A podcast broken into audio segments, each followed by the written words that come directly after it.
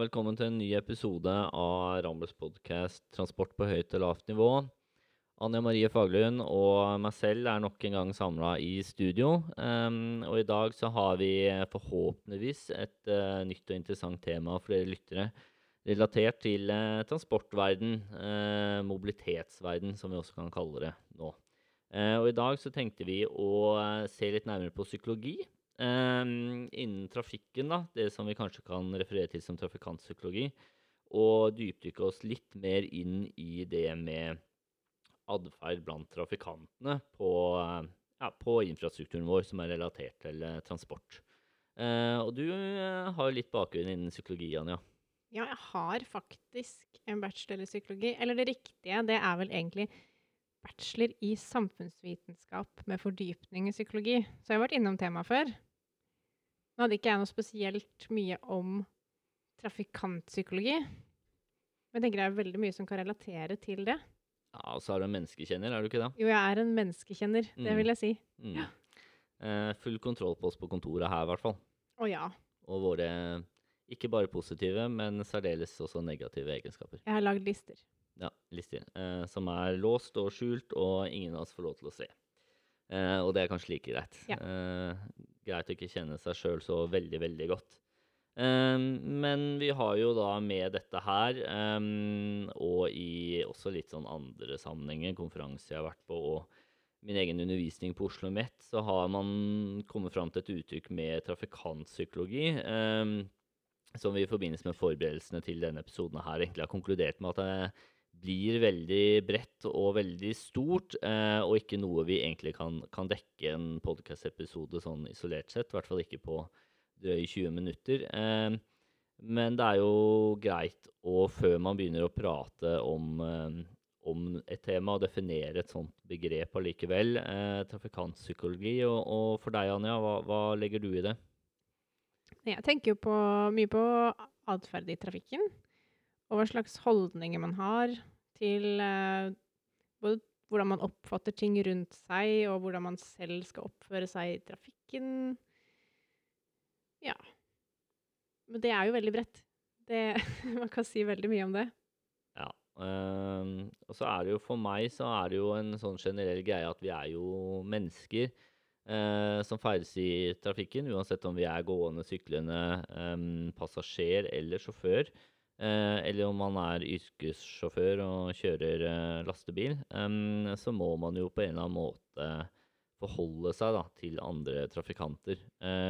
og siden vi er mennesker, så kommer det med psykologi og vårt sinn, vår personlighet, vår oppfattelse både av andre mennesker, den kommunikasjonen som må skje på f.eks. veinettet eller på en gang- og sykkelvei f.eks. Um, hvilken side skal man gå til, høyre eller venstre, når man møter en fotgjenger? Hvis det er uh, gang- og sykkelvei, eller separert gangvei og sykkelvei ved siden av hverandre, og det er litt trangt i, på gangveien fordi noen går i en stor gjeng og får, må gå ved siden av hverandre, så Eh, kanskje man skal bevege seg ut på sykkelveien, men så kommer det kanskje en syklist, og, og kan jo skape mulige konflikter der. Um, så det er jo mye interaksjon da, som skjer i trafikken. Uh, og det begrepet trafikantpsykologi er jo noe Det er jo den formen for kommunikasjon, da, og det at vi må forholde oss til hverandre, uh, og måten vi også ser på ulike fenomener i trafikken, da. Vi, vi legger i det begrepet her. Absolutt. Og vi er jo veldig ulike. Og vi har jo også forskjellig modenhetsgrad. Og, eh, og med det så skal du nok en gang få fram at du er mer moden enn meg. Nei da. Nei, det er hemmelig. Det står på lista. Det står på lista. Ja. Det står umoden under meg. Ja, bør jobbe med modenhet, står det. Bør jobbe med modenhet, ja. ok. Uh, ja, men som 22-åring så kan man jo ikke forvente så mye. Og du er 22? Kanskje. Ja, ja, ja. ja det, det, eh, du utvikler, utvikler, ikke ordentlig fornuft før du er 25? Nei. Nei, det var derfor jeg valgte 22, da, fordi ja. du har sagt jeg er så ufornuftig. Så, men hvilken alder mener du at sinnet mitt har? 44. Du, så jeg er veldig fornuftig sånn egentlig. Eh, takk for det. Jeg har i hvert fall en 30 eh, år gammel kropp, da. I midtlivskrisa? tusen takk angående det. det. Det er jo artig at du tar opp det, fordi av en eller annen grunn på sosiale medier rundt omkring så har det dukka opp veldig mye, veldig ofte reklame for eh, vi, vi er ikke sponsa nå, men for den nye eh, elektriske bilen til Audi. Eh, Audi RS eller noe sånt heter den. Som er en slags sånn sportsaktig bil. Eh, koster en million, så jeg har ikke planer om å kjøpe den i det hele tatt. Men eh, Audi mener veldig gjerne at jeg burde kjøpe den bilen. da, hvert fall. Så, og, eh, Men kan- mener Audi at du er en typisk Audi-sjåfør? eh, sikkert er jo fullt av kakser som har begynt å kjøpe det. Vet hva, Jeg beklager til alle lytterne som eier Audi. Det er sikkert mange som har Men- Audi. Du må ikke si noe stygt om Audi-eiere. Men eh, det er vel en kjensgjerning at Audi-eiere har en viss type personlighet, da, som jo er tema for denne episoden. Det er jo en av holdningene våre. Altså det, de holdningene tar vi, eh, ut, tar vi med oss ut i trafikken som bilister. Så har vi holdninger til Audi-eiere. Men det var faktisk eh, Jeg har jo fått undervist i dette her, og da Vi har jo nå digital undervisning på universitetet, og det var eh, noen elever som når vi pratet om dette her, begynte å prate om Tesla-eiere, faktisk. Eh, om at de var de minst hensynsfulle og de verste og fikk flest bøter og sånne ting i trafikken. Og så klarte de eh, å finne en kilde på det, eh, faktisk. At det Oi. var noe som hadde sjekka statistikken. Eh, og det var vel det var Tesla-sjåfører øverst som var, som var verst. Um, Og så Audi og så BMW. ja, så tror jeg det var Audi og BMW på andre og tredje. Jeg husker Ja. ikke hvordan rangeringa var. Så, så den forutinntattheten vi på en måte har, den stemmer nok litt til dels, dessverre. Men det fins jo sikkert veldig flinke Audi-sjåfører òg, da. Det må jo sies. Men du har jo også personlighetstyper innen trafikk, og du har jo noe statistikk på hvem som har de ulike personlighetstypene. Så kanskje, kanskje de som har en bestemt personlighetstype, også kjøper en bestemt type bil. Mm. Ja, det er jo interessant. Og der er jo forsikringsselskapene er jo veldig interessert i sånne type data. Eh, og de Jeg mener jeg har hørt det var på når jeg gikk på videregående, så begynner det å bli noen år siden, siden jeg er 44. Men eh, da var det en som hadde noe kunnskap om det, og prata om det med forsikringer og sånne ting, og at de, de priser jo etter ulike bilmodeller, også vel merker. Og det er vel også spesielt innen MC, de R-sykla, som står for racing, da. De er jo bygd for fart og tiltrekker seg jo en viss type sjåfører, og eh, naturlig nok gjerne ha en høyere pris når det kommer til forsikring, da. Eh, så, så alt påvirker her, da, og personlighet er nok en sentral del inn i også hva vi kjøper. Eh, Ja. Og det er jo også faktisk forska på det i psykologi at Ehm, vi stoler veldig på menneskene rundt oss. Så hvis du, Anja, for eksempel forteller meg at du hadde en Audi en gang, og at den hadde veldig, veldig mye feil, eh, sånn mekanisk, eh, og var utrygg, eh, så selv om statistikken kanskje viser at Audi er den beste bilen, og har minst eh, både ulykker med og eh, skader som mekanisk, så vil jeg heller ta ditt ord for det og din erfaring enn reell statistikk. Så vi lar oss påvirke veldig da, av andre mennesker og deres meninger. Mm. Jeg, har- jeg krasja en Audi en gang. Ja. Jeg rygga inn en tilhenger, da, så det var ikke krasj. Lagde, lagde en bulk. Lagde en bulk. Ja, Ja, Det, Eh, det var pappa sin. pappa ble glad, eller? Eh, han ble ikke sint. Det er jo sånn som skjer da, når du, når du låner bort bilen til uh, dine tenåringsdøtre. Så da, da er det sånne ting som skjer. Ja, Og det må tåles. Uh, men i hvert fall så kan vi vel være enige om at personlighet påvirker. Og det kan hende at uh, de sosiale mediene som styrer mine reklamer, også mener at jeg er i midtlivskrisa, Anja. Så du er ikke alene. Eller så er det jeg som styrer dine reklamer på dine sosiale medier. Kanskje. Du har med andre ord uh, ganske god innflytelse på ting vi andre ikke er klar over. Absolutt. Um, men da er det på tide å bevege seg over til uh, det med atferd og psykologien knytta til det innenfor trafikken. Ehm, og vi har jo bl.a. Uh, funnet en uh, samling av studier gjort i 2000 og 2001 på, på unge, unge mennesker i trafikken, uh, som uh, ser på det med personligheter, og har kommet frem til seks ulike personligheter i den forbindelse. Og de her er jo delt inn i eh, tre risikokategorier. For lav, medium og høy risiko. Eh, og på lav risiko så finner du da personer som er eh, engstelige, eller som ikke bryter regler. De tar ikke sjanser i trafikken. Og de er også veldig lite involvert i trafikkulykker generelt. De to kategoriene i lav risiko er hensynsfulle og engstelige. Eh, og forskjellen her, da eh, I de hensynsfulle kategorien så er det da omtrent like, like mange kvinner og menn. Litt flere kvinner. Men hos de engstelige uh, Den gruppa består av 84% kvinner. Og det er da egentlig de som er redd for å kjøre bil. De har angst, føler seg utrygge bak rattet.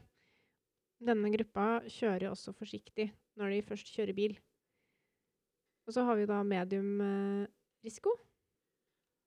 Ja, og det stemmer jo. Og medium er jo generelt sett en liten, spennende gruppe ved at de ja, er jo stort sett sånn midt på når det kommer til det med risiko og hvordan de oppfører seg i trafikken. Um, der er det jo også definert to personligheter, og, og de kjennetegner jeg jo særlig med at de har et form for uh, behov da, for spenning eh, som du velger å dekke i trafikken. Um, og så er de to gruppene kanskje skilt på ved at én gruppe tar en slags risikotaking under ansvar. At de ikke ønsker å utsette andre for, uh, for fare. Uh, mens den andre gruppen, de, de er relativt innadvendte og lite interessert i andre enn seg selv, og, og dermed ikke egentlig eh, bryr seg så mye om andres ve og vel når de oppsøker denne spenningen, da, som kan ses på som litt mer ekstreme, men fremdeles inne i mm, det som kan kategoriseres eh, i studiene som mediumrisiko. risiko. og så er det kanskje de som er mer spennende eh, i en sånn trafikant, eh, eller eh, for trafikkingeniører som oss selv, er jo det å se på de med høy risiko, og hvordan de skiller seg ut. da. Mm, her har du eh, to kategorier. Én de sosialt avvikende og de aggressive. Og de sosialt avvikende, det er jo ganske artig, for her har du igjen en veldig stor gruppe eh, menn. Her er det 80 menn. Eh, og det er jo da en liten kontrast til eh, den lavrisikogruppa med de engstelige kvinnene. Uh, her har de et høyt behov for spenning. Du, Anja, du vet at uh, lytteren ikke får med seg anførselstegna dine, eller? Eh, hva mener du? Hva mener du? Ja, men det er jo prosenter her, da. Det var 84% kvinner i den engstelige gruppa. Her er det 80% menn i de sosialt avvikende. Jeg vet ikke hva som er verst, jeg. Ja. Men det her er jo da eh, 15% av alle som var i undersøkelsen, som er i den kategorien her. Eh, og her er det da eh, aggressiv i trafikken, samtidig som du viser lite omtanke og hensyn til andre trafikanter. Det er en veldig skummel uh, gruppe å være i, tenker jeg da. Ja, Enda skumlere for de andre som er på veien etter, kanskje? Ja, kanskje. Eller, eller er det det? De er jo også, Hvis det er, en ulykke, da, så vil jo de også være med i ulykken. Ja, Utsetter jo både seg selv og, og andre for risiko, da. Samtidig som de tror selv at de er veldig gode sjåfører. Manglende selvinnsikt. Som, Og- som menn flest, eller? Det skal ikke jeg uttale meg om. Nei, det ligger vel i lista di. Ja, det Ja, mm, sant. Sant. Og de, de aggressive i trafikken, det er også eh, litt flere menn enn kvinner. Men der Eh. er det jo relativt jevnt, da. Det er ganske Eh. jevnt. Det er, det er relativt jevnt her. Og her er det både høy aggresjon, men også eh, høy angst og liten omtanke for andre. Det har en fiendtlig innstilling til andre, andre personer i trafikken. Eh, en gruppe man egentlig ikke vil møte på, uh, og heller ikke være i. Det høres ikke ut som det kanskje er de lykkeligste menneskene som havner i den gruppen. Nei, det kanskje ikke. Men jeg tenker sånn uh, Hvis man er veldig, veldig, veldig streff, stressa da, en dag, kanskje man svinger litt over i den kategorien noen ganger. Hvis du har dårlig tid, eller Jeg vet ikke. Kan det, kan det liksom påvirke det også? Uh, naturlig at uh, sinnsstemning uh, påvirker hvordan vi kjører, og det tror jeg er noe alle lytterne, og meg òg selvfølgelig, kan relatere meg sjøl til. Og dette her er jo noe jeg tar opp som eksempel på forelesningene mine.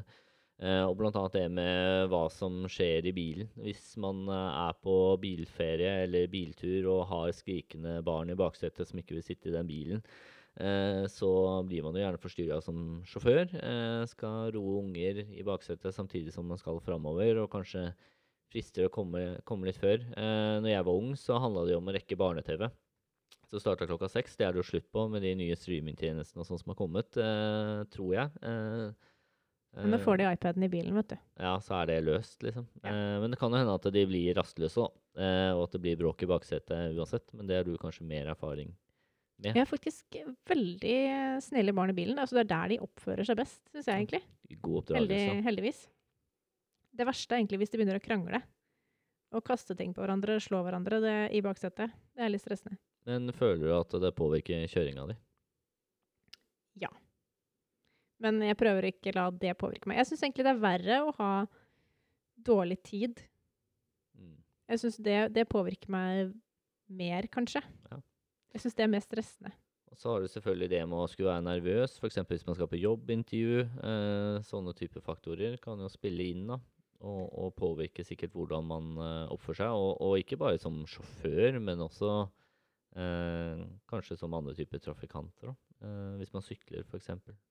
Du har jo andre ting som påvirker også, hvis du f.eks. er syk, og du kanskje ikke tenker over at uh, du ikke burde kjøre bil, men er man syk en dag, så bør man kanskje ikke kjøre bil. Hvis du har feber, da, så jo, kan du være litt uoppmerksom, kanskje litt sløvere enn vanlig. Ja, og hvis man har smerter, så vil man jo være fokusert på smertene og ikke trafikken. Mm, og kanskje litt mindre fokusert på andre òg, jeg vet ikke. Det er bare gjetning, da. Men uh, det er vi gode på. Ja, ja, ja. Eh, men vi vet i hvert fall at det er studert det at vi um, ulike personligheter eh, medfører ulik måte å kjøre på i trafikken eh, som sjåfør. Da. Og at dette kan jo kategoriseres og påvirke risikobildet.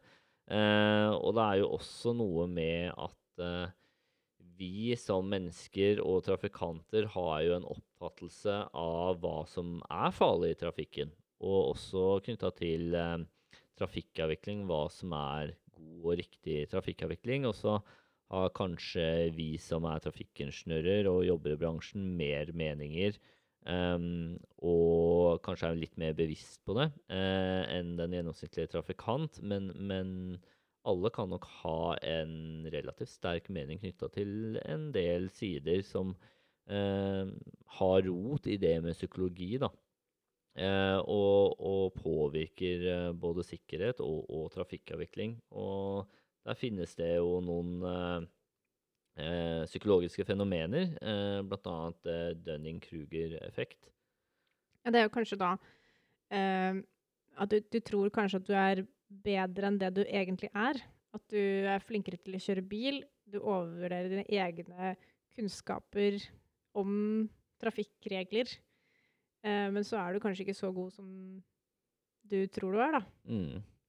Det er jo noe vi, vi som trafikkingeniør generelt ser, og jeg som universitetslektor i tillegg opplever kanskje det enda litt oftere. Um, og det er jo det at uh, veldig mange har sterke meninger om trafikk, uh, og hva som skal gi god trafikkavvikling, f.eks., eller være sikkert, uh, men som ikke er basert på forskning i det hele tatt, studier, eh, og rett og slett er feil. Har jo flere tilfeller av at eh, mange trafikanter mener at gangfelt er veldig trygt, um, f.eks. Når man skal krysse veien. Og det har vi vel vært innom eh, i tidligere podkast-episoder òg, at det, det er ikke nødvendigvis tilfellet. Eh, det er mer et fremkommelighetstiltak for gående. Uh, og at det eventuelt er belysning rundt og humper og sånn som er, kan redusere risikoen i seg sjøl. Men at veldig mange av befolkningen vil ha gangfelt, for det tror de, da, eh, og mener eh, at det er eh, sikrere. Og det denne effekten, Dunning-Kruger-effekten, sier, er jo gjerne det at eh, vi mennesker, uansett tema egentlig, eh, fagfelt, eh, vi starter med å kunne veldig lite.